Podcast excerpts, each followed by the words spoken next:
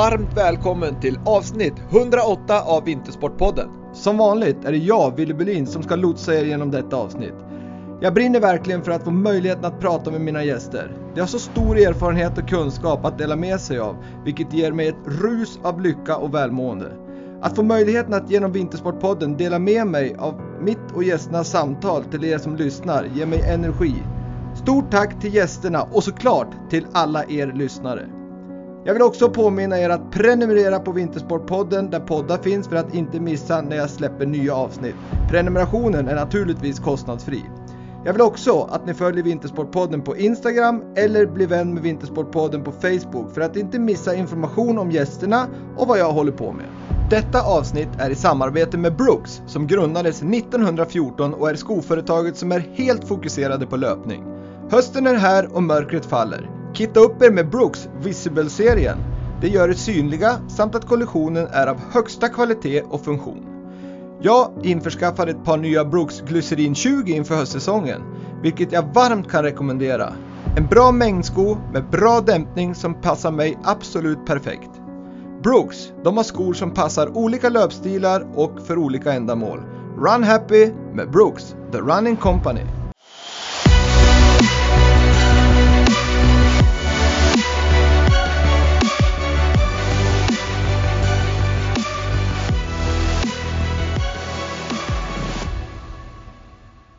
Dagens gäst i Vintersportpodden, mannen med 25 år i ett av Sveriges framgångsrikaste och mest kända företag, IKEA, varav cirka 11 år som VD i Sverige och Danmark. Dessutom har han haft tunga styrelseuppdrag i organisationerna Svenskt Näringsliv och Svensk Handel.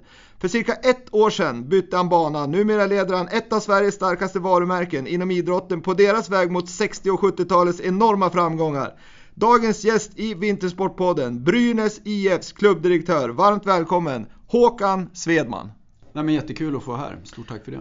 Ja, det är grymt kul att ha dig med Håkan och det ska bli kul att få snacka med dig här i en timme ungefär. Och vi kommer framförallt eh, fokusera på ledarskapet och kanske skillnaden mellan näringslivets ledarskap och hur det är att jobba inom idrotten. Men innan vi går in på det så hur, hur, är det, hur mår Brynäs så här långt i säsongen? Ja men ganska bra får man väl ändå säga. Vi har fått en, en hyggligt bra start. En bra start på damsidan, en okej okay start på herrsidan. Eh, vi, vi är mentalt förberedda på att det här blir en, en eh, väldigt jämn serie på herrsidan i år med många lag som har blivit bättre. Konkurrensen hårdare än någonsin. Jättekul för publik och supportrar att få se så många bra spelare men med en knivskarp eh, konkurrens tror vi genom hela, genom hela serien och hela säsongen. Mm. Och, och egentligen så man kan säga att vi pratar SHL här och Brynäs så, så mycket av det beror ju förmodligen på att, att eh, situationen i världen med KHL och så vidare har, har gett att, att många andra duktiga spelare har kommit till Sverige. Men det ser man ju även ner i Allsvenskan och Division 1 att det har ju blivit en högre kvalitet genom hela liksom, Hockeysverige kan man säga. Ja så är det. Det, det är tuffare än någonsin och, och eh, vi känner ju själva att vi har ett, ett bättre och, och, starkare lag i år. Eh, problemet är att det känner alla andra också. Så att förväntan har Så att som sagt konkurrensen är stor och även lagen underifrån eh, från lägre serier har fått bättre konkurrens som gjort att de serierna också blir mer intressanta. Så mm. det är ett uppsving för svensk hockey på så sätt att många skickliga spelare får vi ta del av under, under det här året. Så det är kul. Så intressanta där egentligen då, det är ju om vad framtiden har att utvisa vet vi inte, men om, om eh, KHL till exempel kommer igång, då, då blir det ju en intressant del för svensk hockey. Att hur kan vi behålla den här nivån som, som kanske är nu då, framåt? Ja, så är det, så är det naturligtvis. Men eh, man får vara lite grann här och nu i det. Vi är jätteglada över, om vi pratar för Brynäs del, över de, de spelare vi fått in. Bra karaktärer, bra människor. Och mm. Det är väl också ett sätt, det kommer vi säkert kanske in på, men hur vi bygger, bygger vår verksamhet. Som mm. handlar väldigt mycket om att hitta rätt karaktärer och rätt personligheter. Jag förstår det. Det är ju otroligt viktigt att för att få rätt kultur som vi också kommer in på, på framåt. Då. Men innan vi går in på ledarskap och kultur och allt vad det innebär. Då vill jag och lyssnarna få lite djupare kunskap om vem Håkan Svedman är. Ja, då ska vi försöka göra den historien någorlunda kort då. Va? Men, men född och vuxen i Uppsala eh, med en väldigt idrottsintresserad familj. Min pappa var väldigt engagerad i Sirius. Så från tidiga barnsben så, så började jag följa Sirius i både fotboll och bandy och spelade också det. Eh, upp i vuxen ålder, framförallt fotbollen då. Eh, men det var ett stort idrottsintresse generellt och intresset för Brynäs och, och hockeyn kom också tidigt i, i, i, unga år. Snyggaste dräkterna tyckte väl jag och min brorsa eh, som var äldre höll på Leksand. Så det, där skapades ju tidigt ett idrotts, eller intresse för hockeyn och Brynäs. Även om jag själv aldrig har, har utövat hockeyn då. Men sen eh, genom skola, ingen, ingen eh, gick ut gymnasiet, utan, det var väl ingen, ingen stjärna i skolan, ville börja jobba. Eh, testa mig fram på olika saker. Eh, pappa jobbade på posten så då började vi där och sen via trots allt ekonomisk utbildning så blev det lite bankverksamhet. Jag fick eh, hitta vägen in i försäljningsvärlden. Jobbade med försäljning ett antal år. Och så småningom så, så landade jag på IKEA just för att jag hade sålt eh, kontorsmöbler åt ett annat företag och, och IKEA skulle växa på, på företagssidan. Eh, och sen blev det ju 25 fantastiska år på IKEA. Mm. Ehm, där jag fick göra en väldig massa olika saker. Så det, och sen, ja, så småningom så tog, så tiden slut på IKEA och så blev det ett, ett uppehåll i arbetet och sen så hamnade jag i Brynäs. Ja, vilken, vilken resa måste jag säga. Men om vi backar lite där till fotbollen, för, för Uppsala är väl mest känt, i alla fall när du växte upp som du sa, mellan med fotboll och Sirius och bandy och Sirius. Det är mm. som samma. Men nu på senare tid har ju Almtuna då också liksom ganska framgångsrik ändå i Allsvenskan, måste man ju säga. Men, men eh, fotbollen, då var du varför slutade du där och eh, var du på den nivå att du skulle kunna vara på allsvensk nivå? Nej, det var jag nog inte. det är hemskt att behöva erkänna det, men det var jag nog inte tillräckligt bra. Jag hade säkert talang för det, men lite grann av den här eh, fördelen jag hade när jag var ung och växte upp, att jag var lite före. Eh, kanske fick det lite för lätt för mig. Fick inte riktigt lära mig att kämpa och träna så hårt som du behöver göra för att bli elitspelare. Utan jag var ju med i en resa som Sirius gjorde från division 4 upp till, till division 1. Men när vi kom upp mot motsvarande division 2 så då, då var konkurrensen för, för stark. Och jag spelade med väldigt skickliga spelare som jag i barndomen var lika bra som men som sen tränade lite bättre, jobbade lite hårdare och då, då, då tog eh, fotbollskarriären slut helt mm. enkelt. Eh, och, och, när jag väl kände att jag inte var tillräckligt bra då tappades också en viss intresse för det. Så, så då blev det andra delar i livet som fick ta över istället. Och det där är ju egentligen likadant att vara ledare eller jobba på en arbetsplats. Ska du bli framgångsrik så krävs det ju hårt och kontinuerligt arbete för att komma framåt. Så är det. Och passion naturligtvis och tycka det är kul liksom, för att orka med det där. Ja, jag tycker väl att jag har fått livets, livets resa har väl lärt mig en, en hel del också av att hur du, hur, vilka ansträngningar som krävs för att... Det är klart, jag brukar tänka så här. Tänk om jag hade haft de erfarenheter jag har idag när jag var 15, 16, 17, 18, 19, 20, 21, 22. Då hade jag säkert kunnat blivit en bättre fotbollsspelare om jag hade lagt själ och hjärta i det på samma sätt som jag kanske har lärt mig att man behöver göra. Men man blir ju klokare med tiden. Och på det, med det sagt så är det ju viktigt att, att det finns ledare som dig och som andra som, som har den insikten nu. Som kan verkligen förmedla det till våra ungdomar så, så, så vi får ja, men framgångsrikare ungdomar som kan växa i, med åren. Då. Ja men så är det. det är väl, jag, jag, jag tänker att jag tror ju att mina livserfarenheter och jag har lärt mig under åren är en stor tillgång. Eh, dels i det här jobbet men, men också som, som människa eh, rent generellt. Att, att tiden har gett mig eh, en bättre självinsikt om vem jag är, mina styrkor, mina svagheter. Och jag har ju en tro på att Självinsikten är grunden för allt ledarskap. Om du inte förstår dig själv så är det väldigt svårt att förstå andra människor. Verkligen. Så att, eh, det tycker jag har fått, fått hjälp av väldigt skickliga och bra ledare både inom idrotten men också inom näringslivet under årens lopp som har, som har hjälpt mig med den utvecklingen. En, en sak jag brukar prata, brukar prata med, med framförallt då aktiva i, i Vintersportpodden det är ju just att man tränar hård fysträning. Det är ju alltid på schemat. Kosten har blivit viktigare nu för tiden, men det mentala, det har blivit bättre, men det är fortfarande någonting man oftast gör när det har kört ihop sig. Jag brukar säga att det kanske man också ska ha på, på träningsschemat, att liksom jobba det mentala. Hur har du, liksom, det du säger nu, att, att verkligen lära känna sig själv för att kunna eh, liksom, hjälpa andra. Är det någonting inom det näringslivet du har jobbat med, med en mental träning, eller är du en talang i det mentala? Nej, talang vet jag Jag väl, har väl någonstans alltid haft någon form av ledarskap i mig när jag var, spelade fotboll. Även om jag inte var den bästa spelaren så fick jag ju ofta förmånen att vara en lagkapten. Och, så, så på något sätt så kanske jag hade det. Sen så tror jag att det, det här med att få en ökad självinsikt har, man fått, har jag fått genom åren genom att få tillbaks till bra chefer, bra och fått ärlig och rak feedback, tydligare. Alltså, så någonstans har jag byggt på mig en, en självbild och en, ganska, jag tror att det är min största styrka om jag ska plocka fram någonting. Att jag har väldigt god insikt i mina styrkor och mina, mina svagheter. Och, och, så det försöker jag väl bära med mig och, och, också dela med mig av att man behöver ju inte vara perfekt för att vara bra. Och, alltså, en lugnande effekt på människor och känna att man kan vara avslappnad eh, med en anspänning. När jag mm. tittar på, på vårt hockeylag idag så handlar det om att, att, att, hitta just den rätta balansen mellan att känna att man är bekväm, man är uppskattad, man är sedd, man är bekräftad. Eh, mitt, mitt i allt det tryck som finns på en bra prestation. Mm. Och det är jag helt övertygad om att de bästa prestationerna gör man ju när man känner att man gör av glädje och inte utav press. Och det, det är väl någonting som, som vi här i Brynäs pratar väldigt mycket om. Den, den, hur skapar vi förutsättningar för att människor ska kunna känna sig okej okay och inte vara oroliga för att göra fel. Och mycket av de här sakerna jag pratar om har jag nog fått med mig under tiden på IKEA faktiskt. Ja, det, är, det är musik i mina öron när du berättar om det här. Det är ju verkligen så jag tror det är en utvecklande miljö. Men, men jag fastnar lite grann med, du har ingen, om jag får säga, ingen utbildning skolmässigt, ingen akademisk utbildning. Jag tänker på, du har ju rekryterat enormt mycket människor genom dina 25 år på IKEA i dina positioner du har haft. Hur, hur, ser du på det? För oftast är ju liksom i rekryteringar utbildningen någonting som många fastnar på.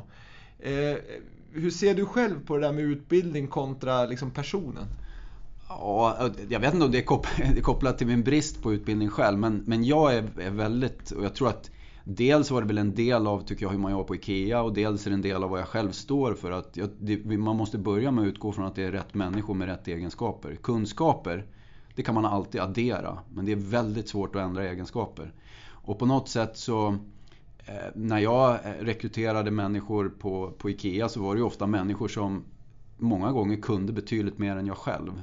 Så min styrka har ju aldrig varit att så att säga kompetensöverföra saker. Utan jag, det är ju likadant med ett om du flyttar ut det till ett hockeylag så har du väldigt kompetenta ishockeyspelare och så ska du kunna leda det här laget. Nu är inte jag hockeytränare men filosofin är ju detsamma och när vi så att den där är jag ganska hård med också när vi jobbar här i Brynäs. Att är vi säkra på att den personen vi tar in, oavsett om vi anställer till någon på, på kansliet eller om vi anställer någon inom sporten, att det är rätt människor vi får hit. Mm. Då kommer det andra att ges över tid rätt människor med rätt vilja, då kan man nog addera det mesta. Så är det. Tvärtom är svårt. Det är ja. inte den med bästa, starkaste CV som för, eh, nödvändigtvis är mina starkaste kandidater. Nej. Men när man ser till din karriär då, har du, har du liksom haft alltid målsättning att bli VD på IKEA Sverige, Eh, IKEA mm, Danmark och så vidare. Det vill säga väldigt höga positioner eller har det ena gett det andra och, och liksom du har känt att, att drivet och glädjen till det du gör är viktigare än, än själva positionen?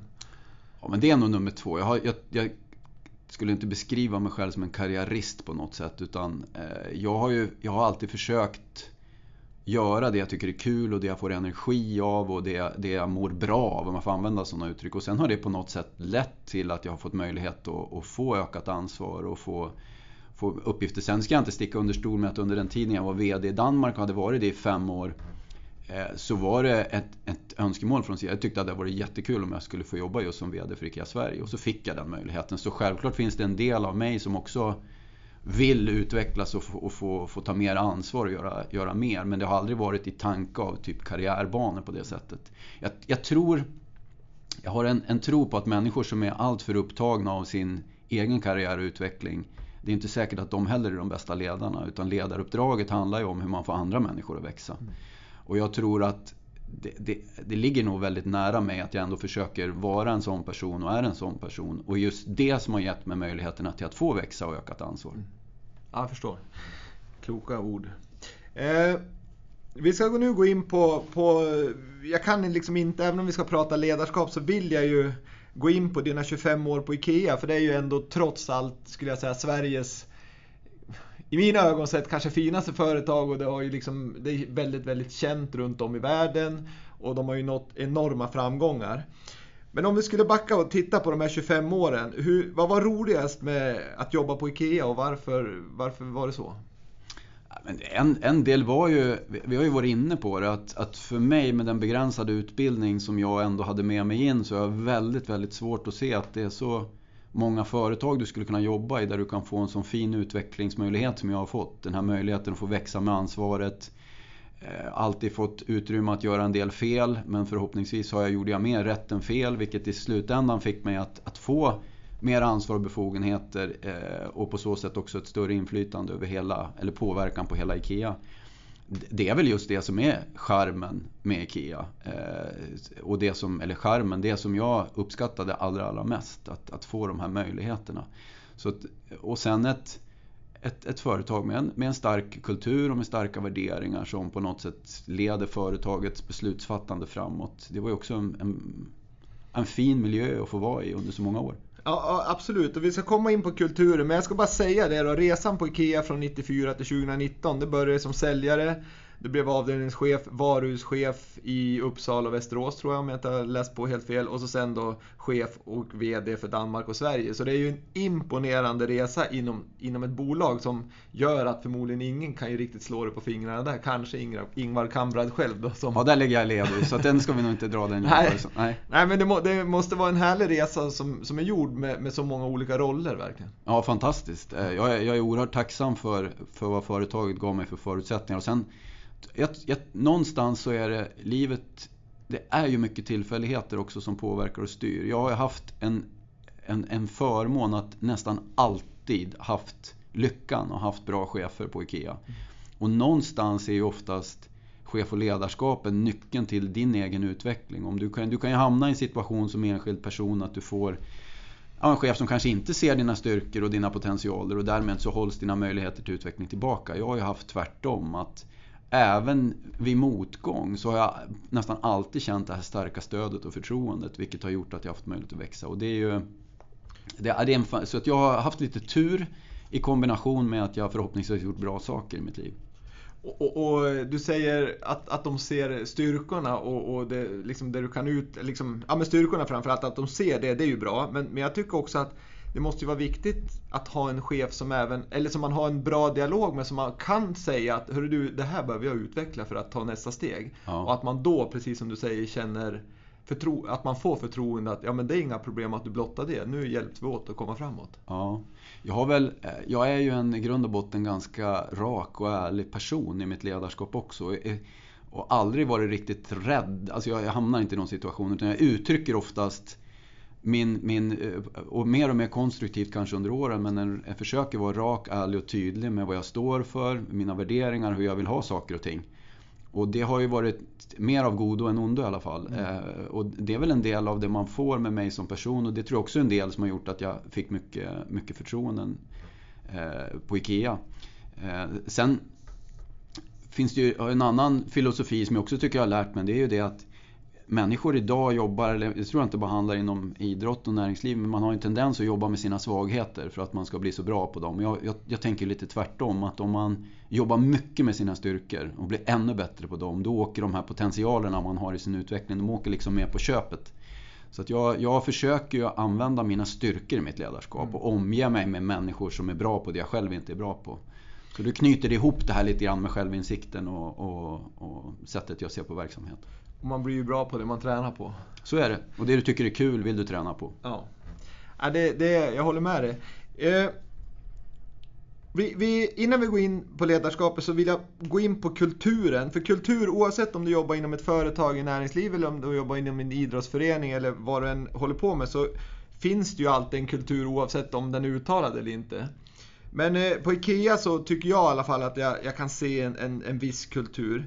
Men hur tycker du kulturen, är, den viktig för dig i, i den organisation du är i?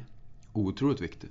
Otroligt viktig. Och, och hur, vad, vad gjorde IKEA? Alltså, där, där kan man ju ändå se att kulturen överlever ju jämt. Oavsett, liksom, det, på något vis så känns det som att Ingvar Kamprads liksom, sätt att se på saker har ju liksom levt ganska länge. Mm.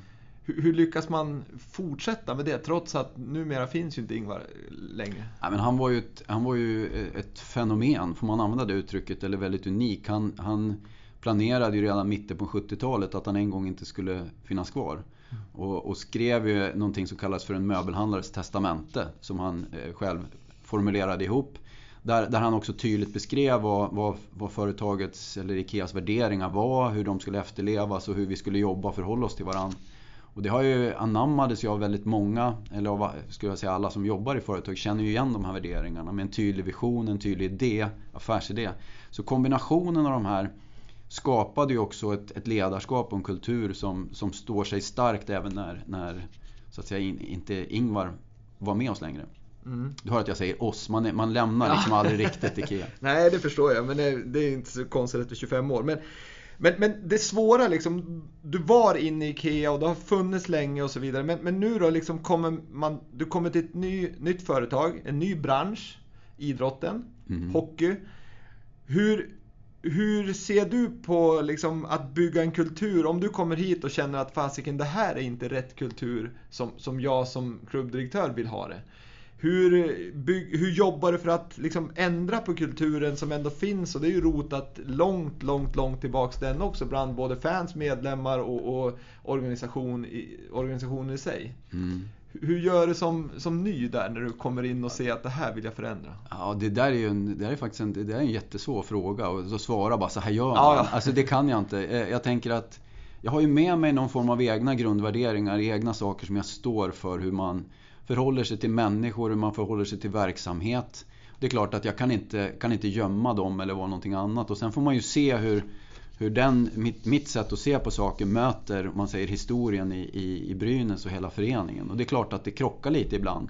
Men jag är också klar över att för att skapa framgångar och göra förändringar eller utveckla en kultur. Så, så det tar ju lång, lång tid. Mm. Och det bottnar ju någonstans i, i synen på människor och synen på ledarskap.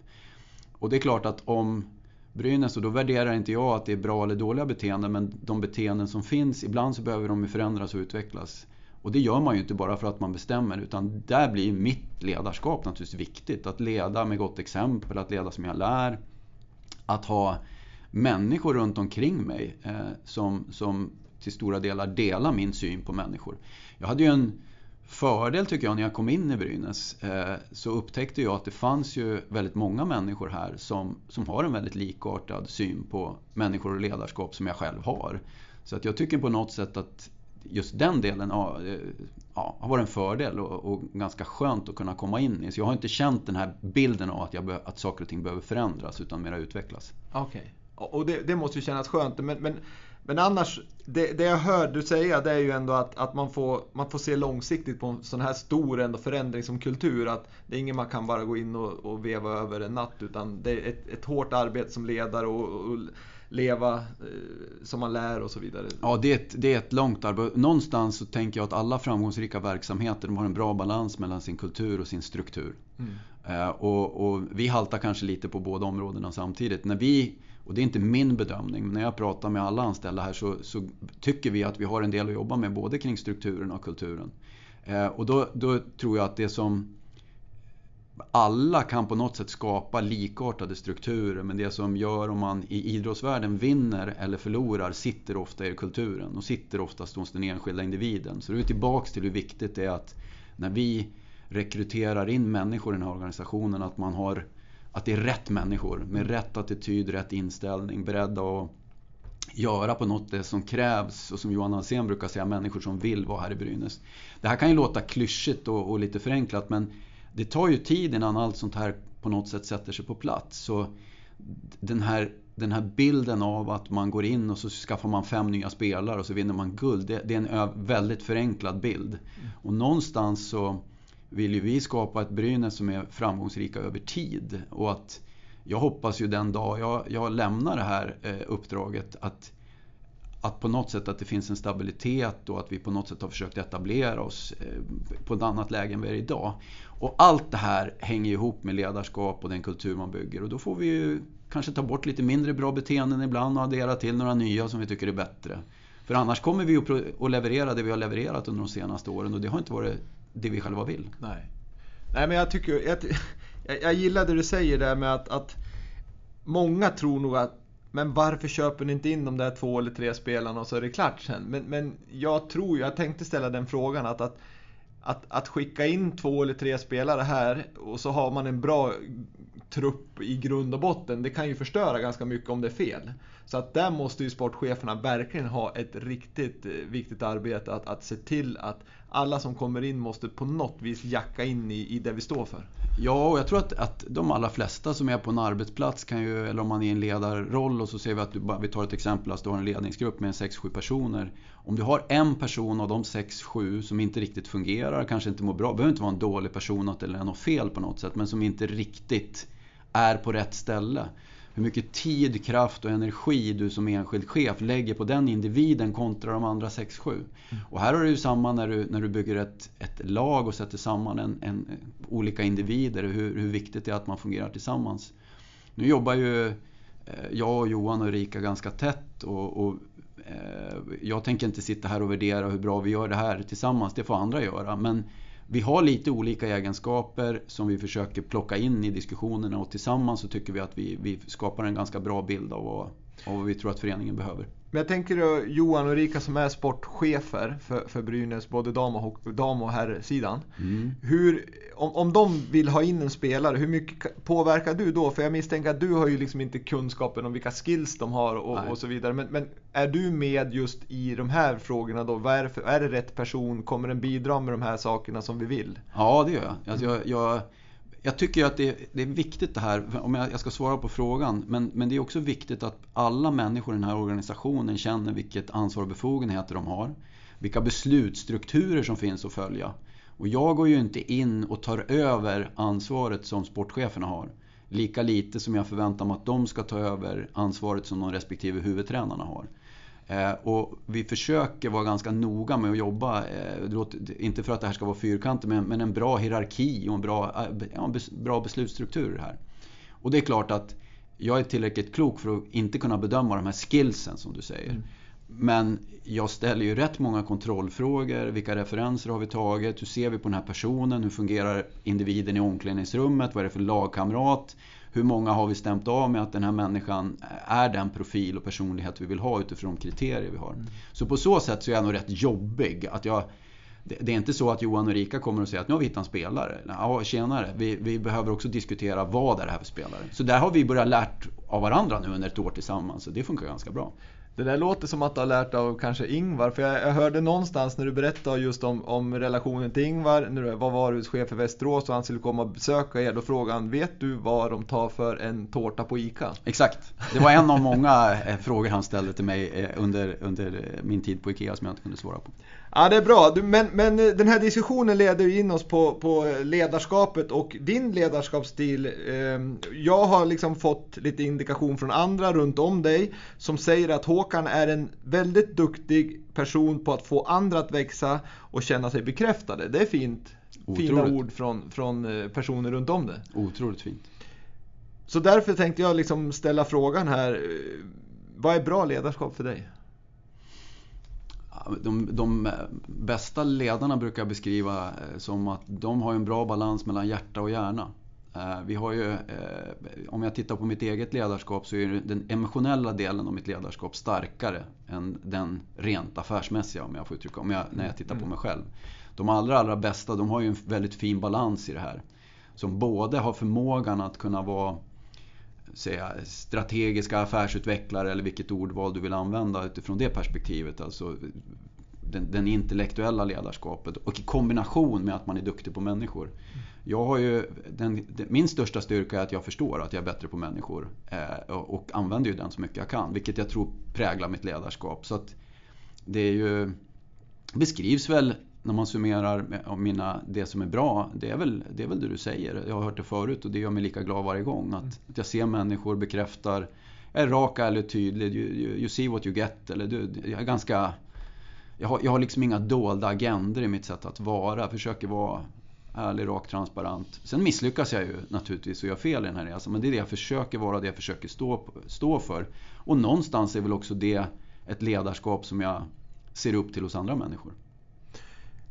Vi har pratat lite grann om det här tidigare. Du, du har berättat vad, precis här vad, vad, som gör dig kanske framgångsrik och unik. Men, men det finns ju, som du sa, förbättringspotentialer också som du kanske väljer att jobba mindre med eftersom du jobbar med de här styrkorna. Men, men någonstans så tänker du ju förmodligen på dina förbättringsområden. Ja. Är det någonting du jobbar med dagligen eller tänker på eller är det någon runt om dig som säger åt att ge mig feedback på det här? Men jag har, ju, jag har ju under alla år som ledare varit lite dålig på att, att bekräfta människor i vardagen. Att se det här jobbet som görs varje dag av människor som, som lägger sin själ och hjärta i, i en uppgift. Och jag kanske ibland har haft en tendens att ta det lite för givet och, och gå runt med en känsla, ja men individen vet väl att jag tycker att de gör ett bra jobb. Jag har ju inte sagt någonting annat. Eh, om du, och det här kan... Det här, det här påverkar mig ofta. Jag kommer ofta på mig själv att jag kanske inte är tillräckligt uppmuntrande, att jag inte kanske ser alla på det sättet jag tycker att en bra ledare ska göra. Mm. Så det är någonting jag har med mig. Jag tycker att jag är bättre på att jobba med en enskild individ än jag är att jobba med en grupp. Eh, alltså, lättare att leda en, en, en kommersiell chef som på individbasis än att leda samma person i, i en grupp med 6-7 andra. Mm. Så det försöker jag. Jag har väl alltid fått kämpa lite med min roll när jag ska leda en grupp.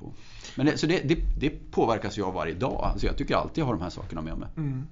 Och, det är härligt att du har insikter. Alltså då, då, då är det ju då kan man verkligen utvecklas. Och, och, och, och, som du sa, då kan man ju visa sig kanske lite sårbar också, att man är inte superhjälten. Nej, det tror jag. Jag tror att alla, om du skulle provtrycka alla människor som man jobbar runt om mig, så, så tror jag alla skulle, alla vet ju mina svagheter. Mm. Det, det, finns ju ingen som skulle säga att jag är världsmästare i planering eller strukturera. Alltså ingen skulle säga det. Eh, och någonstans så tänker jag att det sparar ju lite tid om jag själv berättar det för människor. Ledarskapet är ju fascinerande på så sätt att oavsett tänkte jag säga, vad du har för ledarskap, men så länge du är, är autentisk eller, eller rak, direkt och är den du är, då skapar det någon form av trygghet. Sen kan ju ett ledarskap vara bra eller dåligt. Mm. Mm. Eh, och, och, någonstans så vet människor i min omgivning vad de får när jag, när jag är ledare.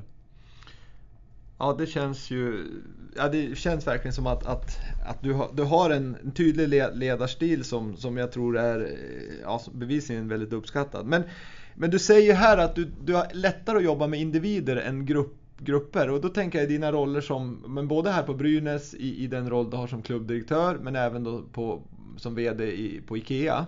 Där kan jag tänka mig att det ofta är eh, större grupper du jobbar mot, i, till exempel en ledningsgrupp. Att, att du måste ju på något vis få ut eran eh, vision och strategiarbete ut till en grupp en grupp individer snarare än att du kan ju inte som chef för v, eller VD för IKEA springa runt till allihop och berätta det här ska vi jobba med, hur ska vi jobba och bla bla bla. Utan du måste ju få det till en stor grupp. Och jag tänker, hur jobbar du med det? För att det måste ju vara en chefs största utmaning att få ut vision, strategiarbete till alla så att, så att alla vet vart de ska springa. Mm. Så att man inte börjar i Gävle och så några börjar springa upp mot Hudik och några springer mot Stockholm. Nej, blir det så jobbigt när man ska springa ja, och samla ja, ihop alla. Ja. Men hur jobbar du där? Är det någonting du ser som en styrka? Eller ja, alltså, om, jag, om jag delar in det i lite styrkor och potentialer så, så, så, är jag ju ganska bra på att samla många människor och kunna tyd, tydliggöra en väg framåt, en kommunikation och ett, ett budskap och på så sätt få med mig ganska grupp, stora grupper. Alltså jag har inte svårt att ställa mig för 200 personer och, och förmedla att nu ska vi åka åt, åt det här hållet och få människor på något sätt att följa med. Jag är hyggligt bra på att kunna jobba igenom andra människor och få, få eh, de som, som rapporterar till mig att, att på något sätt växa, ut, växa, utvecklas och bli bra ledare och på så sätt få sina respektive delar av organisationen. De här två områdena tycker jag att jag känner mig ganska bekväm i. Sen har du den andra delen när du ska ha in eh, sju, det kan vara sex experter här i Brynäs eller tio experter i en ledningsgrupp på IKEA där, där alla driver sina respektive områden. Och där tycker jag ibland det är svårare hur man får ut, hur man kan se varje individ och hur de bidrar i den konstellationen och den gruppen. Och där finns det ju ibland motsättningar och olika sätt att se på saker och ting. Just den delen av ledarskapet tycker jag är utmanande och svår. Att verkligen få alla att känna att, att, att ja, det kan jag tycka är utmanande helt mm, enkelt. Mm. Så det får jag väl, men det kommer, så kommer det nog alltid att vara. Jag får lära mig att leva med det. Mm. Ja men det verkar ha gått bra hittills. I ja det beror på, det beror på, du får fråga dem som har varit Ja men du, jag tänkte dra några snabba frågor bara som du kan svara lite kort på. Mm. Eh, kring ledarskap eh, och, och, hur du ser på det då. Delegera eller, delegera eller detaljstyra? Delegera. Största utmaning som ledare? Känna sig... Oh, vad svår. Största utmaningen som ledare. Ja, det är väl att känna att man är good enough. Mm. Vad bör ledare göra mer av? Ja, erkänna att de inte är perfekta. Och tvärtom, vad bör de göra mindre av? Eh, ja, vad ska en ledare göra mindre av? Ja, men, men ja, att, att lägga till saker. Det, det blir ett längre svar men Ibland så tror jag ledarens viktigaste uppgift är att plocka bort uppgifter från andra människor, inte lägga till. Mm. Och, och någonstans, ledare ska inte lägga sig i hur enskilda individer sköter sina jobb om det inte verkligen behövs. Nej, för på något vis har du förmedlat den här visionen och strategin på ett bra sätt och du har anställt den här som chef och du har gett den någon form av mandat. Då, då kanske de har lite olika ja, men jag, sätt. Men jag, jag tänker att och det här tror jag är kanske om du skulle fråga runt någonting som också är kanske mer kopplat till mig än många andra. Men jag är lite så här, jag, jag, är inte prestigefull men för mig är det viktigt att få äga huret. Det vill säga att om jag nu har en styrelse i Brynäs IF som stöttar mig i vått och torrt och varit fantastisk under mitt första år. Så, så finns det ju ändå områden där jag säger till styrelsen att, att vi, ni får gärna vara med och hjälpa till att sätta målbilder och visioner. Men sen behöver ni låta mig få äga hur det här ska göras. Mm. För det är mitt ansvar. Mm. Um, och på samma sätt så försöker jag tänka på människor runt omkring mig i min omgivning. Jag tycker inte om när människor talar om för mig hur jag ska lösa ett problem. Jag som individ vill ju få känna ansvar och befogenheter att få äga det huret. Och det försöker jag ju också vidareförmedla till andra. Jag tror att oavsett vad för de allra, allra flesta människor ju närmare uppgiften man är, ju bättre svar har man också på frågorna hur saker och ting ska lösas. Och då förstår inte jag eh, ibland när människor går in och petar i sånt, utan jag tänker precis tvärtom. Eh, att hjälpa, hjälpa till lite mindre, skulle jag vilja säga, eh, kan vara en bra grej. Ja, det är bra. Men när kommer eh, Håkans när, när tar ditt tålamod slut? Det vill säga du, du, du, delegerar, de får lösa huret. Men någonstans så kommer vi till ett läge där nu är inte det här löst. Nej. Hur agerar du då? Jag tror att det handlar om, eh, och det kan jag säkert göra bättre, men att försöka sätta tydliga målbilder på vad som ska uppnås. Och om, om de väl är där, då får man ju ge individen beroende på hur senior personen är i uppdraget och vilka erfarenheter man har. Så får man ju sätta någon form av rimlig tidsperspektiv på när man tycker att saker och ting ska börja levereras. Mm. Eh, och, och, och jag har, där har jag ett ganska bra tålamod så länge det går åt rätt håll. Men om du och jag kommer överens om någonting och ingenting händer eller går åt ett annat håll. Ja, men då kan jag också vara ganska tydlig i det samtalet att det här, det här är ju inte vad vi har kommit överens om. Så att, eh, eh ja, det, men, det, men där det, är du ganska stöttande då? Ja, alltså så länge människor vill och ja. så länge människor anstränger sig och gör sitt allra, allra bästa. Då har jag jättebra tålamod. Ja. Men, men om, om människor har en, en, en dålig attityd Eh, eller, och inte visar sig att man verkligen vill och försöker, då, då är mitt tålamod ganska kort. Låter som ganska naturligt tycker jag. Oavsett vad man håller på med så är det ju... Jag, jag, jag brukar uttrycka så här, jag har mera tålamod med människor än jag har med uppgifter. Mm. Om du förstår vad jag menar. Så att människor har jag mer, jag, jag, lägger, jag har mer tid för att det får gå lite mer fel. Men, men uppgifter kan man liksom inte göra samma fel hur många gånger som helst. Där har jag ett kortare tålamod. Mm. Mm. Och när vi väl kommer överens om saker då, då förväntar jag att de ska ske. Mm på något sätt. Mm. Ja, det är bra. Tydligt, bra ledarskap. Hörru du, som, som chef och speciellt då kanske som, som toppchef eller vad man ska säga, VD eller klubbdirektör. Eller ska jag säga också som mellanchef, det egentligen spelar ingen roll. Men man står ju alltid inför ganska svåra situationer. Det kan vara liksom du måste avskeda folk på grund av att de inte levererar det de ska. De har dålig attityd eller det, det, det måste till ett eh, minskning av personalen och vi måste ta, skicka hem folk för att vi har inte tillräckligt med intäkter för att täcka kostnaderna. Eh, ja, men det finns massa saker som kan hända. Hur, hur, hur hanterar du sådana situationer? Tycker du det är jobbigt som ledare eller liksom är det någonting du bara liksom kan damma av det ganska lätt? Nej, jag påverkas, ju av, eh, jag påverkas nog ganska mycket av hur, hur människor mår i min omgivning. Och det, det, det, den, de exempel du ger kan ju vara jättesvåra samtal och budskap. Så det, det är ingenting jag gläder mig till och ingenting jag ser fram emot. Samtidigt så försöker jag ha med mig när de svåra samtalen kommer eller de svåra situationerna att, att verkligen det är väl då jag anstränger mig allra, allra mest för att plocka fram mina bästa egenskaper av empati. Oftast så tror jag det finns en tendens när man ska gå in i en svår situation att då mobiliserar man mycket kraft och nu ska jag vara tydlig och bam, bam, bam. Eh, där, där jag tror att oftast då så kanske det är precis tvärtom som det behöver vara. Alltså människor som hamnar i en, en situation där man behöver lämna sitt jobb. Man behöver ju inte förstärka det budskapet. Det är ju tillräckligt tufft ändå. Mm. Eh, så, så, någonstans försöker jag intala mig att, att jag ska göra det här så, så bra som möjligt med individens bästa för ögonen. Och, och så försöker jag göra det. Och, men, men eh, det finns ju inga lätta svar på hur man hanterar sånt. Men, men jag är definitivt ingen person som dammar av sånt. Det gör jag inte. Det sitter i mig.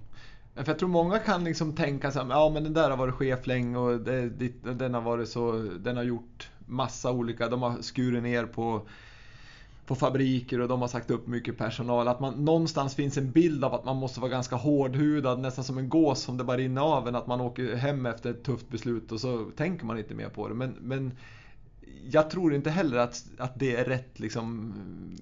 Nej, man kan och... inte vara så kall när man jobbar med människor tänker jag. Nej, nej jag, jag, jag säger inte och är tillräckligt ödmjuk på så sätt i alla fall att jag inte dömer vad som är rätt och fel. Och alla måste ju göra utifrån det de själva. Jag tror ju också på vi var inne på att man, man, är ju den människa och den ledare man är. Jag försöker göra det här efter bästa förmåga i, i, i, alla situationer. Och sen efteråt ibland så kan jag naturligtvis hamna i att oj då, varför gjorde jag inte si eller varför gjorde jag inte så. Men, men jag försöker göra det som jag tycker är rätt och riktigt i stunden. Och så får jag, får jag försöka leva med det och ha ett, ett, ett hyggligt gott samvete i alla fall. Mm.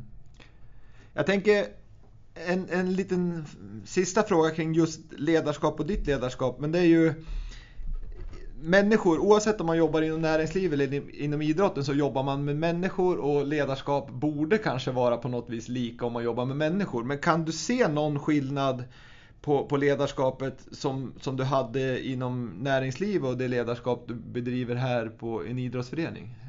Och bolag är det ju också, men, men inom idrotten då? Nej, egentligen. Jag tänker att människor behöver ju samma sak. Man behöver, det vi har pratat om många man behöver känna att man är sedd, bekräftad, uppskattad, utmanad, få återkoppling. Så egentligen så tycker jag inte att ledarskapet på det sättet skiljer sig utifrån hur jag leder andra människor, utan det är ju lika. Sen är ju omständigheterna och verksamheten som sådan kan ju vara väldigt, väldigt annorlunda. Mm. Att, att jobba på, på IKEA med alla dessa människor där du har väldigt många, eh, även om det är en, en hyfsat platt organisation, man jobbar ju igenom människor på ett annat sätt. Du kommer längre ifrån de vardagliga frågorna kanske än vad du gör här i Brynäs där man är mycket närmare vardagen. Och sen finns det ju då Sen finns det ju för och nackdelar med det här. Man får ju, man får ju gilla och uppskatta de olikheterna som finns. Eh, på IKEA kunde jag ibland känna att Jaha, nu har vi fattat ett beslut men det kommer ju ta två år innan det genomförs. Så här kan man ju sitta och ta ett beslut och känna att det här kan vi göra på 20 minuter. Mm. Eh, å andra sidan så i ett, ett, företag som IKEA så finns det ju strukturer, arbetsprocesser, rutiner på plats på ett helt annat sätt än vad det gör i Brynäs. Så att det, ja, det gäller att anpassa sig utifrån det. Men, men, men på IKEA där hade du ju, jag vet inte, var det 18 000 i Sverige anställda? Nej, inte riktigt 8, men det var många ändå. Ja, 8, 8 000. Ja, och, ja. och, här har du lite färre. Ja. Men jag skulle säga att så många som bryr sig om Brynäs ja. är nog många fler. Jag tänker på medlemmar och fans. Ja. Som har väldigt mycket åsikter. Jag har lyssnat på lite poddar i Brynäspodden där, där man bjuder in medlemmar och, och, får ta del av dina rapporter och styrelsens rapporter och tränares liksom. Mm. Och, och, där är det ju liksom fans med som, som kan ställa frågor och så vidare. Men det måste vara en viktig del, just kommunikationen i en sån här förening med så mycket hjärta hos så många liksom, ja, fans, medlemmar och, och de som verkar i organisationen. För det, många vill ju så mycket liksom. Ja. Hur man kommunicerar saker. För är man tyst, ja då, då blir det ju liksom rykten och då blir det ju ryktespridning som, som kan dra åt vilket håll som helst. Mm. Är det någonting som, du, som både skiljer sig och någonting du jobbar mycket med, informationen? Ja, för, först så tycker jag det finns faktiskt en hel del likheter mellan IKEA och Brynäs på det perspektivet att eh, när du säger att här tycker man och tänker mycket i Brynäs, det gjorde man på IKEA också. Det kan jag försäkra. Det, det var, det, var, det är ju många som på något sätt tycker att det, det var till och med kunder som, kom, men, som kunde kräva att vi skulle ha saker på lager med uttrycket av att ja, men jag betalar ju skatt, har jag fått hört en gång av en kund. Eh, som därmed på något sätt tog för givet att det är en mänsklig rättighet att få den här varan nu. Mm. Eh, så det finns ju ett enormt engagemang även runt omkring IKEA och det tror jag att jag har en enorm Det tror jag att jag har glädje av när jag kliver in här. Sen är ju engagemanget på något sätt intensivare här. Alltså det blir, eh, det blir ännu mer känslostyrt och ännu mer känslostarkt. Men, men det, är ju, det, är ju, det som är utmaningen är att alla som engagerar sig i Brynäs IF tycker ju inte riktigt lika om allting. Så i slutändan så faller man ändå tillbaka till att jag måste falla tillbaka med att jag måste göra det jag tror på, det jag tycker är rätt och riktigt och kommunicera det. Mm. För jag kommer aldrig kunna göra andra nöjda. Men, eller jag ska inte säga ja, vi kommer inte göra det. Utan, men vi kan, ju, vi kan ju försöka kommunicera så ärligt och transparent och tydligt kring hur vi ser på verksamheten och hoppas att människor köper det, engagerar sig i det så att vi på så sätt bygger ett ännu starkare Brynäs IF. Mm. Nej, för nu har jag lyssnat på och förberett mig inför den här podden och jag tycker ni har, ni har en bra plan framåt och ni, ni verkar ju som jobba långsiktigt med, med målsättningar, organisationen och sättet att se på det här. Det vi har pratat om tidigare med kultur och va, hur, hur, ni ska liksom bli ett topplag framåt på sikt. Liksom att ni pratar om att vara ett, ett liksom stabilt topp 6-lag. För mm. då kan det leda till ett SM-guld i slutändan. Precis. Eh, men jag tänker på din syn då här, om, om vi tittar liksom långsiktigt, att man vill, vill ändå jobba med kontinuitet. Men idrotten som sådan, nu säger jag inte bara Brynäs, men idrotten som sådant har det ju alltid funnits det här liksom att man man är, det är typ sista matchen man tittar på och gör man som tränare eller vad det nu är fem dåliga matcher så riskerar man ju, då är det bara att vänta på att man ser klubbdirektören och sportchefen kalla till möte och så får man gå. Mm. Hur är din syn på just det ledarskapet? Eller sättet att, att leda? Ja, det här är ju, det är ju en liten okänd mark för mig ändå. Jag har ändå bara haft det här jobbet i ett år. Sen, min grundtro är ju att man behöver en bra kontinuitet. Jag fick förmånen att lys lyssna på, nu ska jag säga, Niklas Carlén, kan han heta det, som är VD för Malmö FF. Mm. Eh, fotboll eh, för inte så länge sedan och han pratar just om vad är det som har gjort att nu har de väl ingen bra säsong i år men Malmö har ju över tid eh, varit väldigt, väldigt framgångsrika. Och han uttryckte det och jag tror att han eh, säger helt rätt att kontinuitet är nyckeln för Malmös framgång. Jag tyckte han nämnde att man har haft fyra styrelseordföranden under hela eh, Malmös tid som går tillbaks hur länge, långt som helst. Mm.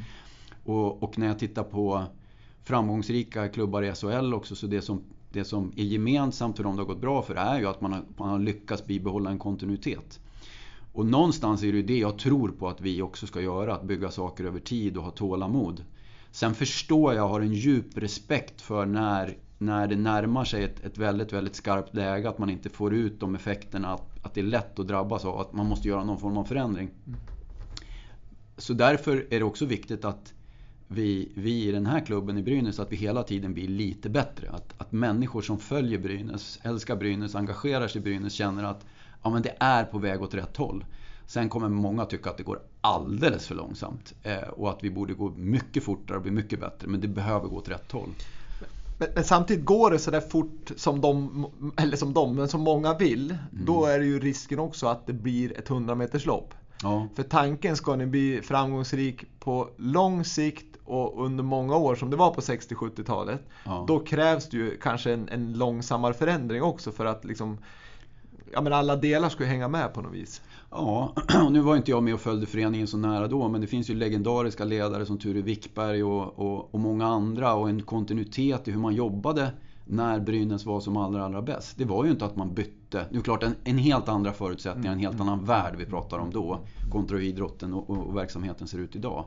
Men, men det är ju ändå det som också har varit en, en framgång i Brynäs, att hålla fast. Det är väl därför vi vi hela tiden pratar om att, återuppbygga, och utveckla och förädla kulturen så att den blir så stark att vi hittar kontinuiteten och att vi inte blir beroende av en enskild individ utan att vi bygger någonting i verksamheten som håller när, när någon enskild person lämnar. Jag tänker på dig då som kommer från, från IKEA här och, och, in i idrotten. Nu vet jag att du har ett idrottshjärta, du har hållit på med fotboll, bandy, du har följt Brynäs sedan 70-talet. Liksom som, som supporter. Mm. Men, men nu kommer du in här och, och, det finns ju säkert de inom Brynäs som har, tycker sig i alla fall ha bättre kunskap om, om idrott och hockey. Mm. Men, men hur, vad ska jag säga, i, när du försöker liksom staka ut tillsammans med dina medarbetare framåt. Hur mycket vågar du eller vill du gå på egen liksom, känsla kontra benchmarka med andra, lyssna in det på de som har varit. För någonstans vill du ha en förändring också. Mm. Ja, men jag har ju lagt mycket tid av, under det här, tycker jag, hela mitt första år att lyssna på de som kan historiken i föreningen och, och, Och man får också berätta både, eh, ska jag säga att jag har varit extra noga med att lyssna på de som kanske är lite mer kritiska röster och, och låter dem få ta del av vad de ser. Så någonstans har jag försökt byggt en, en bas av information eh, baserat på det. Sen är det ju så att jag har ju en, ganska, jag har ju en god tilltro till mina egenskaper och mina förmågor. Och, och det, det, står jag för att jag kommer aldrig att på något sätt fly bort ifrån ansvaret om det här inte blir bra. Eh, och, det är väl också, så, så vill jag vara, så ska jag försöka vara. Men när vi kommer till olika människor, individer och hur vi jobbar, då, då tycker jag att jag har mina styrkor där. Därför mm. så kommer jag våg, försöka våga hålla i dem mm. så mycket som möjligt. Även om det börjar blåsa eh, riktigt, riktigt kraftigt. Jag är ju... Jag tycker ibland att jag får synpunkter på eh, Ja, det kan komma kommentarer om orutinerade sportchefer och sånt där. Det är sånt som jag kan få ta del av. Och det kan jag bli, då kan jag reagera på det sättet att bara för att man är orutinerad innebär ju inte att man är bra eller dålig. Det, det hänger ju inte för mig ihop. Det är inte alltid de med starkaste CV och mest erfarenhet är bäst när man ska leda en förändring och göra en förflyttning. Så, så någonstans i det här så jag har jag har gott förtroende för de människor som finns i organisationen och det kommer att bli förändringar säkert över tid på, på, hos enskilda individer men eh, jag har ett gott självförtroende eh, i det här. Och jag tycker det är intressant det du säger, för det finns ju många som har pratat om, eller många, jag lyssnar på några mentala coacher som ofta säger att går du samma upptrampade stig som alla andra, då blir du ju eller då når du ju bara deras framgång. Så det gäller ju någonstans att trampa upp egna stigar och det kan ju en, en orutinerad sportchef i det här fallet kanske våga göra och gå eh, en egen liten stig. Ja, vi försöker på något sätt, vi, vi, eh, nu håller vi oss som allting handlar om med Johan och Rika, det är naturligtvis inte så, det är många, det är en styrelse, det är många, men vi försöker ju vara lyhörda och titta på andra framgångsrika föreningar. Vad har de gjort? Hur jobbar de med ungdomssatsningar? Hur jobbar de med rekryteringar? man får inte vara prestigefylld i det här. Så att, att, kopiera det som andra gör bra och sen översätta det till sitt eget och sen utveckla det. Det är, väl en, det är väl ett bra sätt på något sätt att komma vidare. Så att man inte fastnar i att vi vet bäst och kan bäst själva. Det, det är lite farligt, eh, tror jag. Utan man måste ju vara ödmjuk inför att andra har gjort det bra. Men då kommer vi tillbaka till att om vi bara håller oss till, till Brynäs herrlag så har vi på de sista tio säsongerna haft en snittplacering på nionde plats. Mm. Eh, och, och, då är det ju många som har varit med och tyckt och tänkt under de nio åren hur man ska göra saker. Men det har ju inte blivit det vi alla vill att det ska bli. Så någonstans får man ju försöka hämta kraft i det också. Att kanske göra det på ett lite annorlunda sätt och plocka med sig för det är en annan reflektion jag gör. Ibland beskrivs ju verksamhet som bra eller dålig. Det är ju, så är det ju inte. När jag kommer in i det här jobbet finns det ju massor med saker som är fantastiskt bra. Mm. Då gäller det ju att vara prestigelös i att bygga vidare på dem och ta tag i det som kanske fungerar mindre bra. Eh, och det tyckte jag eh, Mikko hade ett uttalande häromdagen som jag fullt sympatiserar med när det gäller laget. Det är inte alltid vi är så fantastiskt bra som alla säger när vi vinner. Men vi är sällan så dåliga som alla säger när vi förlorar. Och det här tror jag är någonting att hålla fast i och försöka våga titta på. Är det så att vi är sämre idag än vad vi var för en vecka sedan för att vi har förlorat två hockeymatcher? Eller du är med på mitt... Ja, jag försöker... Mm. Ja, ja, men jag håller med dig. För många gånger när man sätter framförallt resultatmål, det vill säga att idag ska mm. vi vinna eller jag ska vinna OS-guld eller mm. jag ska vinna VM-guld. Det är ju ganska egentligen, jag förstår att man gör det, men någonstans är det ju vad gör vi som, som är det viktiga? För att om ni spelar er absolut bästa hockey mm. imorgon och vinner den, eller förlorar den matchen. Mm. Då kan det ju egentligen inte påverka att, att motståndarna var Nej. ännu bättre. Du har, så, du har så fantastiskt rätt och det här, det här är någonting som vi i hela ledarorganisationen och inkluderat alla sporten pratar om hela tiden. Vi kan mm. bara påverka våran prestation. Mm. Vi kan inte göra någonting annat än att fokusera på våran prestation. Och eh, som, som jag själv har uttryckt till både ledare och spelare. Vi har egentligen bara 40 sekunder i taget vi behöver fokusera på. Men varje enskild individ måste göra sitt absolut max i 40 sekunder. Mm. Sen kan du vila i två minuter och förbereda dig på dina nästa 40 sekunder. Och egentligen är det allt du kan påverka. Och under de 40 sekunderna så kan du ju göra fel. Och vi får ju aldrig bestraffa misstagen för då tappar man ju förtroendet och tilliten på att man får prova igen. Så det måste vi kunna leva med så länge vi inte gör samma misstag hur många gånger som helst. Mm. Men, men vi kan alltid ställa krav på varandra att göra så bra prestation. Och det tycker jag alla supportrar, medlemmar, styrelse, spelare, ledare. Det är de förväntningar jag sätter på mig själv också. Jag ska göra mitt allra, allra bästa. Mm. Räcker inte det, ja då får jag väl leva med resultatet. Och, om vi, och det här är ju en del av den kulturen som vi pratar om. Som, som jag och vi i föreningen vill bygga. Och här är, är kul för vi är väldigt eniga i att det är så här vi ska se på det. Mm. Och det tror jag i sig över tid också skapar ett lugn och trygghet hos alltså anställda oavsett om man är på kansliet eller om man, om man är spelare i laget. Jag, jag tycker det där är superviktigt. Ja, och, och liksom, för bygger man, det här tror vi på, de här utmaningarna har vi och så bygger man det den vägen. Då kommer ju förhoppningsvis resultaten. För annars får man ju börja och se över det man håller på med. Riktigt. Så att den, den tycker jag är superviktig. För annars kan man ju säga att jag ska vinna OS-guld och så tränar man inget. Ja men då, det blir Nej, och man kan titta, jag brukar ta det exemplet förra årets SM-final. Så det skilde väl något stolpskott från att Luleå hade varit svenska mästare. Då kan man ju inte, då kan man inte beskriva deras prestation som ett misslyckande på något sätt. De gjorde ju allt de kunde. Mm. Sen förstår jag att man är djupt besviken att man inte vinner på samma sätt som vi är otroligt besvikna att vi inte vinner på damsidan. Men, men vi kan ju som sagt bara påverka prestationen. Sen är det så många omständigheter, skador. Eh, det är så mycket som kan hända. Ja, verkligen. Nu har ju du varit ett år på, på Brynäs IF som klubbdirektör. Bra precis. Ett år och några veckor. Mm. Vad känner du att du har åstadkommit under det här året? Det är mycket naturligtvis, men det är grova drag. Var, jag skulle svara tvärtom, alldeles för lite. Eh, nej, jag, jag, jag, kan vara ganska självkritisk i att, att jag har en förväntan på mig själv att mycket ska hända det, det jag är, mitt ledarskap och så. Eh, jag tycker att vi eh, under det här året har börjat bygga en stabilitet. Jag tycker vi har kommit en bra bit på hur vi, hur vi jobbar med, med, med rekryteringar, värderingar och kulturfrågorna.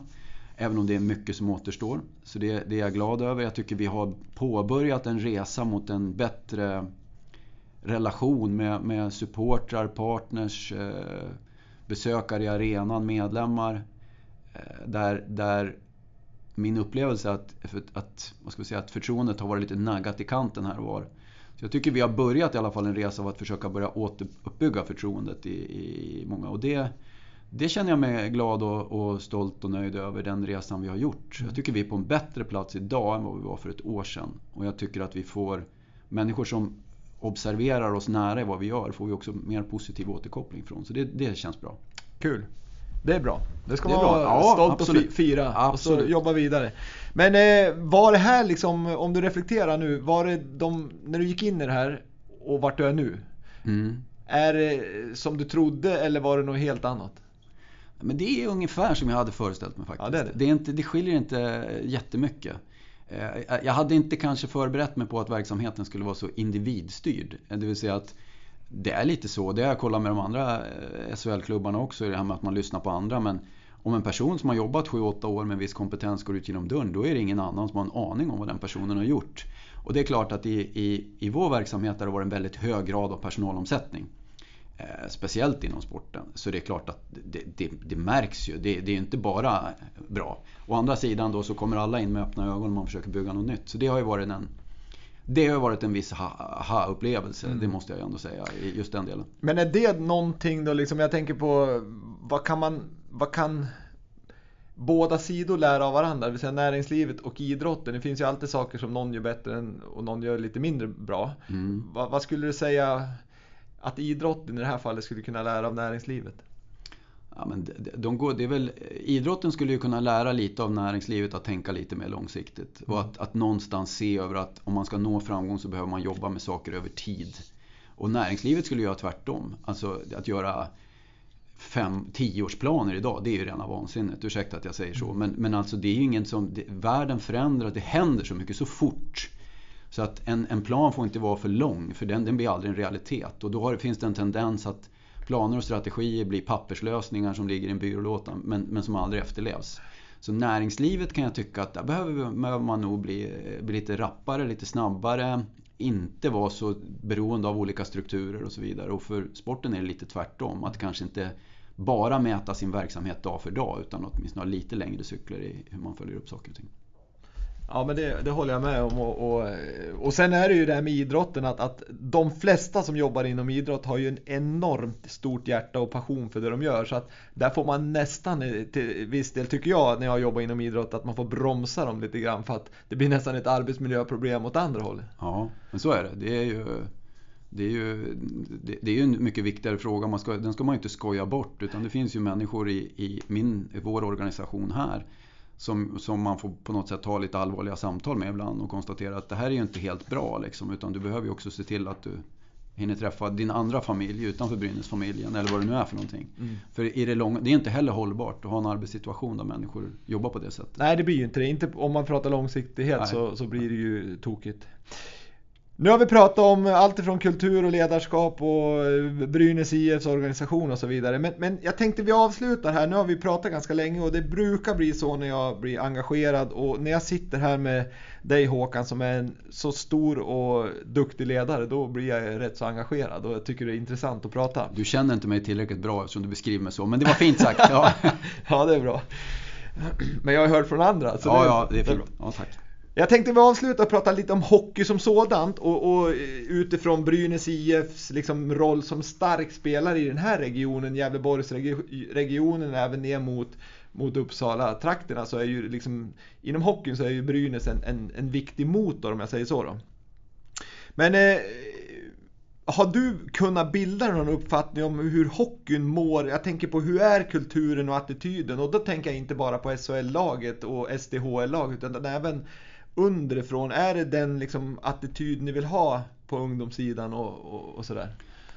Vi, vi, tycker själva att vi, vi, har, vi har inte... Vi är, vi är lite eftersatt på ungdomssidan och juniorsidan. Vi, vi tycker att vi borde kunna göra bättre som Brynäs IF kontra till andra föreningar i regionen. Vi, vi, vi påbörjar arbetet med, med möten med nyckelpersoner i andra klubbar för att ta åt oss av de synpunkter som de har på hur Brynäs agerar. Och vi, vi vet att det inte bara är glada hejarop utan vi tycker att vi har väl en hemläxa att göra. Eh, samtidigt så vill vi inte föregå det genom att själva berätta om hur vi tänker göra utan vi vill verkligen försöka göra det tillsammans i regionen. Vi vill att, att fina föreningar och klubbar runt omkring Brynäs i hela den region som du beskriver ska känna sig delaktiga och känna glädje när det går bra för Brynäs och känna att man har varit med och bidragit, att barn och unga om man kommer från Valbo, Hille, Strömsbro eller var man nu kommer från eller längre ifrån så, så, ska man ju känna en glädje att man får, att spelare får komma till Brynäs, kanske utvecklas, gå vidare till NHL, få vara med och vinna. Och vi som förening behöver vara mycket bättre på att uppmärksamma hur viktigt det arbetet är och framförallt ha bra, eh, en bra arbetsrelation. Mm. Och det är inte någonting jag har kommit på utan det är min organisation som säger att vi har inte gjort det här tillräckligt bra, vi behöver göra bättre. Mm. Så vi försöker möta, ska försöka möta upp dem med samtal och dialog och återbygga lite förtroende. Men det här är jätteviktigt för hockeyns framtid i den här regionen. Ja, för jag tänker lite grann som, som Brynäs som förening i den här regionen. Det är ju som eh, ja, men Niklas Bäckström som spelar, att han är en väldig förebild för många unga, Niklas mm. Bäckström. Mm. Likväl är ju Brynäs IF en förebild förmodligen för många av de här mindre föreningarna runt, ja. om, om, om, runt om i Gävleborg. Så att jag tror nog mycket av det ni gör och hur ni ser på ja, men kultur och attityd hos unga och hur ska man agera liksom i, i, inom hockeyn och i, inom en förening. Det är nog ganska viktigt det. Ja, vi, det, du, allting på något sätt hänger ihop i rekryteringen. Vi, vi, vi tittar på spelare som har kommit in till det här året, för det får man ändå säga att det är det första året som, som vi i den här ledningen på något sätt bygger någonting. det Tidigare har varit ett arv från andra och det finns ingen kritik i det arvet, bara för att vara jättetydlig. Men när vi tittar på så försöker vi hitta människor som är bra förebilder, med rätt karaktär. Som kan vara just den på, som du säger som en Niklas Bäckström. Eller vi har ju, vi har ju, det är många som har gått från Brynäs till andra NHL-klubbar. Jag fick ju möjlighet att träffa de här för första gången i mitt liv. Eh, nästan allihopa när de var hemma i somras och träna. Och det som, det som är så karaktäristiskt är att i princip utan undantag, det är kolossalt ödmjuka eh, och, och fina killar. Och vi har fina förebilder på, på damsidan också. Och någonstans är det ju det vi söker att vi vill ha in. Och då behöver det vara bra förebilder på seniorsidan som skapar goda förebilder hos de unga. Vi behöver ha bra ledare som är duktiga på att jobba med barn och unga och människor. Det finns ju en... Det är väl en reflektion jag har gjort. Du frågar om hur man upplever när man kommer in. Jag tycker att hockeyn och säkert många andra delar i idrottsvärlden är väldigt kompetensstyrd. Stämmer jag av här så har ju alla gått hockeytränarutbildningar men det är ju inte alla som har gått ledarutbildningar. Så någonstans att hitta en bättre balans i det tror jag är en del som vi ska försöka vara lite bra på i Brynäs också. Och det är där jag är lite, med ute, eller ute efter det här med lite attityden. För någonstans med bra ledarskap då tror jag att det blir en annan stämning också och, och mentalitet och hur man pratar till varandra och så vidare. Mm. För det är ju en viktig del, anser jag, när, när de är små och, och växer upp. För någonstans är det ju där vi sätter ribban för vad som komma skall. Ja. Så att eh, jag tycker också det är viktigt, som du säger, att, att, att gå en tränarutbildning är ju något annat än att vara en Ja, och, ledare. och jag vill inte, det, de är viktiga de också. Så ja. inte, jag vill inte ta bort något, men jag tycker vi skulle lägga till. Sen har du en annan del med att ha goda förebilder bland, bland våra spelare. Våra, våra spelarna i våra representationslag är ju jätteviktiga som förebilder. Mm. Men man ska ju komma ihåg att det har jag också insett att alla spelare i hela Hockeysverige känner ju varandra. Mm. Så att i samband med att vi vill ta hit en spelare så är det ju bara halva jobbet vad vi vill. Det är ju individen själv. Och det är inte bara det som står i lönekuvertet eller som, som styr. Utan spelarna har järnkoll på hur det är i Brynäs IF idag. Vilket ledarskap finns? Vad står man för? Alltså det här vet människor. Och det är ju, ju starkare vi kan bygga vårt varumärke, vårt ledarskap och vår kultur kommer också göra att det är lättare för oss att få väldigt skickliga spelare när vi ska förstärka våra lag. Såklart, för de ser sin utvecklingspotential i organisationen så att ja. säga. Ja. Ja, men, eh, jag håller med dig till 100% eh, Håkan, det finns ingenting att, att, att fundera på där. Det är tydligt och bra. Jag måste också prata om, det har ju varit liksom en bra start, det drog ni igång för ett antal år sedan och den rena dräkten och, ni ska vara liksom en, en, en aktiv aktör på, i samhället i, i, i den här regionen. Vilket också går, precis som du säger, med, med, det är ju ett hållbarhetsarbete. Det är att vara aktiv i samhället precis som det är att ta hand om personal och utveckla personalen och så vidare. Och naturligtvis då eh, miljöbiten är ju hållbarhet. Mm. Men, men det finns ju många delar av mm. hållbarhetsaspekten. Men en bra start, den, den lever ju i allra högsta grad. Mm. Va, vad ser ni som största syfte med den? Nej men det är ju, eh, vi var inne på att om eh, föregår tillbaks eh, ett antal år då var ju idrotten, det var ju bara idrott. Drivet av ideella. Idag är det ju, Brynäs IF är ju en idrottsförening med en, med en affärsidé som handlar om ishockey. Och det ska vi aldrig gå ifrån. Vi har dessutom definierat att vi ska vara en elitklubb i hockey. Så det är väldigt tydligt vad den här föreningen ska göra. Men det är också så att vi behöver vara en, en, verksamhet som tar ett samhällsansvar i den här regionen. Vi pratar om varumärket Brynäs IF. Idag är det, är det så att du som partner eller, eller för att förknippa dig med Brynäs IF, det, det räcker inte för många att vi bara håller på med ishockey. Men det finns en förväntan på att vi ska göra mer. Vi tror också, och för mig är det definitivt så, att det arbetet vi gör med barn och unga i den här regionen, det bygger stolthet. Det bygger stolthet för varumärket Brynäs IF, någonting som vi står för. Alla barn och unga blir ju inte NHL-proffs. Hur ser vi till att det finns att vi, vi också skapar ett mervärde för barn och unga i hela den här regionen. En del vill hålla på med ishockey, andra vill vi, vill vi bidra på ett annat sätt. Det finns ju få varumärken i, i, i Gävle och i regionen som är så starkt som Brynäs. Sen är det så att vi behöver bli mer uppskattat. Uppskattat blir vi i förhållande till hur vi hanterar våra relationer. Mm. Uppskattat blir vi när vi får de fina omdömen som vi får av lärare och elever ute i skolorna. Det är en del av den här föreningen. Men det tar inte bort att vår huvudsakliga affärsidé är att hålla på med, med eh, ishockey. Alltså för ibland så byggs det in någon slags konflikt i det här som jag har så väldigt svårt att se. Det är inte så att det fokus vi har på barn och unga tar massa kraft, energi och ekonomi från från Brynäs. Så är det ju inte i andra företag heller. Det, det, jag, jag, ser inte riktigt det, men ibland så tror jag att den här, ute, den här besvikelsen på, som jag också kan känna när det inte går bra i affärsidén hockey. Mm. Den skapar en frustration. Då vill man hitta förklaringar på varför går det inte bra. Och då kan en sån förklaring vara, vi jobbar med fel saker. Mm. Men det är inte min uppfattning. Däremot så ska vi göra allt vi kan för att göra vår affärsidé bättre.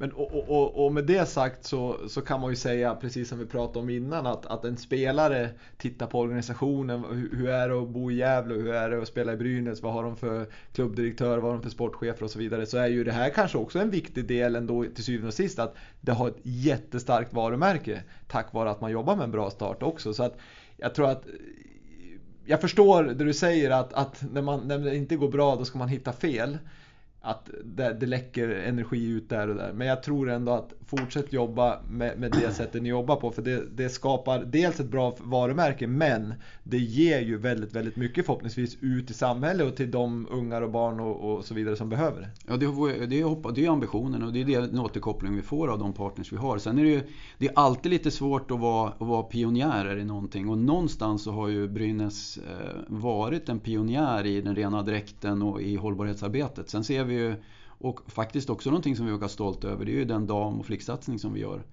Och det som är, nu ska inte jag prata om de andra 13 SHL-klubbarna, men när de tittar på oss så, så ser de ju att vi är framgångsrika på de här områdena och de ser behovet av att göra kanske en liknande resa som vi har gjort någonstans. Mm. Där ibland så kanske du har haft hockeyresultat men du saknar mycket annat. Mm.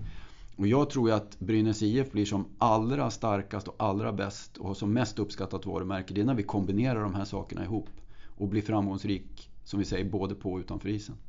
Ja, det är, det är ju delarna som ger helheten. Så är det. Så är det verkligen. Jag måste ställa frågan, ishockey är showbusiness. Att gå på, på hockey i, i Monitor ERP Arena.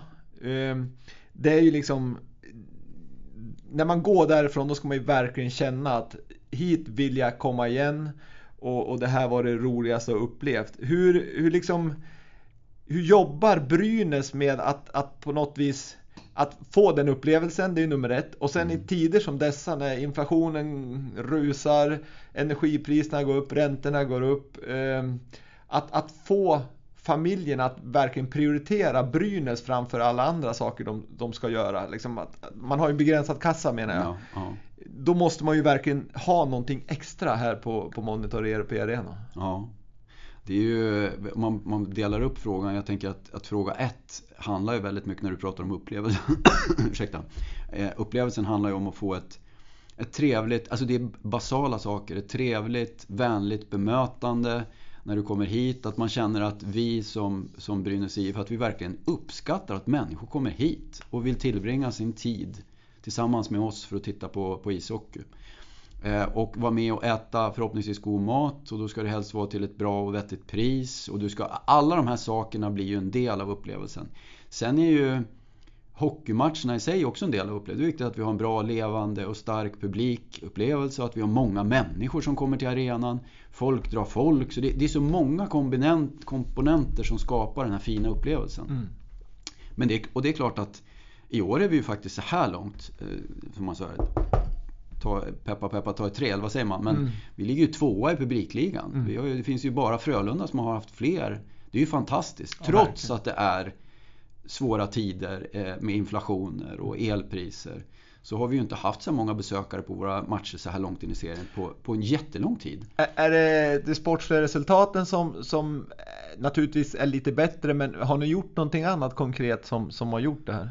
Sporten tror jag är en del och det, det vet vi av fansen. Eh, jag ska komma tillbaka för att svara men, men en del handlar ju om att, att spelarna vet om att om de ger sin själ och hjärta, nu är vi tillbaka till prestationen hela tiden, så vet vi från våra supportrar att det, då kan man också leva med förlusten och kommer man hit och då vill man se igen. Det är faktiskt en del av, av upplevelsen, att man känner att spelarna gör sitt yttersta varje gång. Eh, sen tappade jag bort din andra fråga, den var säkert viktig. Vad var det du sa nu då? Ja, den var säkert viktig, men, men, eh, men hur, de, hur de ska återkomma? Ja, alltså. precis. Nej, men, men och det, det är ju en... Eh, det, det, är ju svårt idag när det finns mindre pengar att röra sig med och naturligtvis så, så måste de här att vi försöker öka möjligheterna för hela familjen att komma hit. Eh, en framgångsfaktor kanske är att vi försöker differentiera priserna lite mer. Några priser går upp från de som kanske är mindre priskänsliga som vill komma hit. De skulle naturligtvis önska att priserna var lägre men det möjliggör ju för kanske en familj eller någon på en, för en mindre plånbok att också kunna gå på hockey. Så det vi har gjort i år, som vi inte har gjort tidigare, det är att ha mera riktade erbjudanden till varje enskild individ. Mm. Att veta lite mer om dig som kund, mm. så vi kan erbjuda dig rätt. Vi vet att vill, han, vill, han vill äta mat när han ska se på hockey, för det har vi en historik för. Då kanske vi ger dig erbjudande om en upplevelsematch kopplat till mat och så vidare. Här har ju vi varit väldigt så att masskommunikativa. gå på match, biljetter från. Ja, men jag vill komma med en familj, vad är det som passar mig? Jag vill sitta bäst i arenan, vad är det som det är? Jag vill äta god mat. Och så vidare. Det här försöker vi utveckla. Modernt tänk. Mycket och, bra. Och det tror jag har påverkat. Eller jag är ganska säker på att det har påverkat inledningen på den här säsongen. Och, nej, men det tycker jag är helt, helt rätt sätt. Och, jag menar, så jobbar ju många. Jag menar, vissa matvarubutiker, eller vissa, de flesta matvarubutiker vet ju exakt vad det handlar och kan rikta erbjudandena så. Jag menar, varför ska man inte jobba så här? Det känns Nej. ju verkligen helt rätt.